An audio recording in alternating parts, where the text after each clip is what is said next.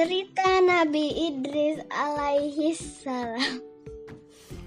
Idris lahir di Babilonia, pemuda pandai berakhlak mulia. Sejak kecil rajin membaca, hingga dewasa jago matematika.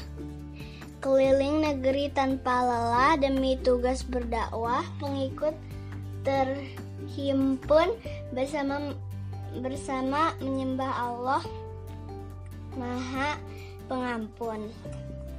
Malaikat datang menjadi tamu istimewa, mengajak pergi bertamasya, enggan melihat api di neraka, lalu selamanya tinggal di surga.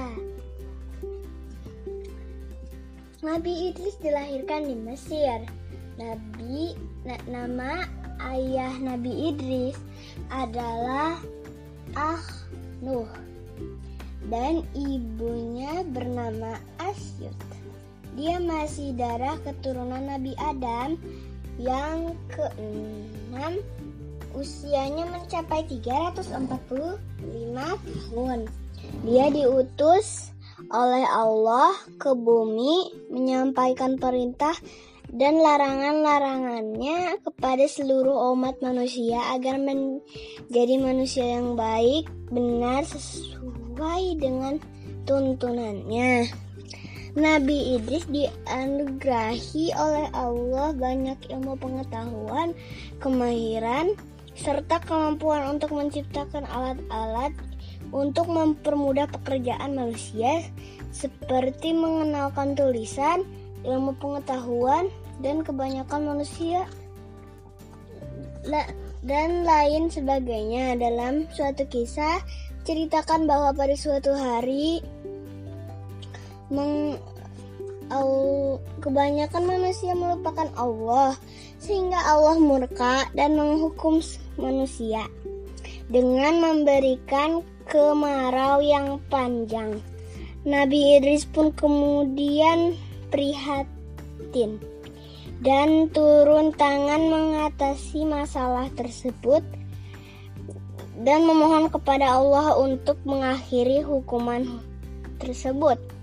Kemudian Allah mengabulkan doa Nabi Idris dengan menurunkan hujan yang sangat lebat. Nabi Idris di, dinyatakan di dalam Al-Quran sebagai manusia pilihan Allah. Manusia yang diamanati dan diberi tugas untuk membimbing umat manusia menuju jalan yang benar.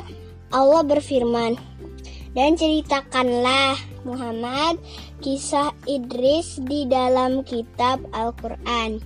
Sesungguhnya dia sangat mencintai kebenaran dan seorang nabi." Quran surat Maryam surat 19 ayat 56. Kata-kata bijak yang dinisbatkan kepada Nabi Idris tanpa membagi-bagikan rahmat yang diperolehnya, seorang dikatakan tidak bersyukur kepada Allah atas nikmat-nikmat yang di yang diperolehnya. Dua, kesabaran yang disertai iman kepada Allah akan memperoleh kemenangan. Tiga, orang bahagia adalah orang yang waspada dan mengharap syafaat dari Tuhannya dengan amal-amal solehnya. Empat, jika kamu memohon sesuatu kepada Allah dan berdoa, maka ikhlaskanlah niatmu. Demikian pula untuk puasa dan sholatmu.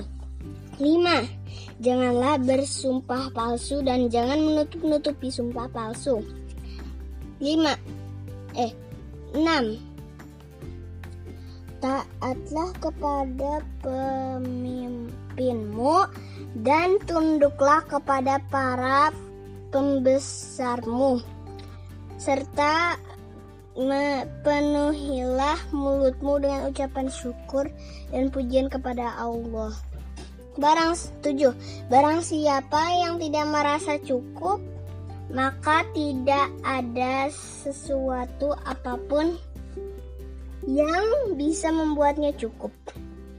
8. Janganlah Janganlah iri hati pada orang-orang yang nasibnya baik, karena kesenangan yang mereka peroleh sebenarnya sedikit.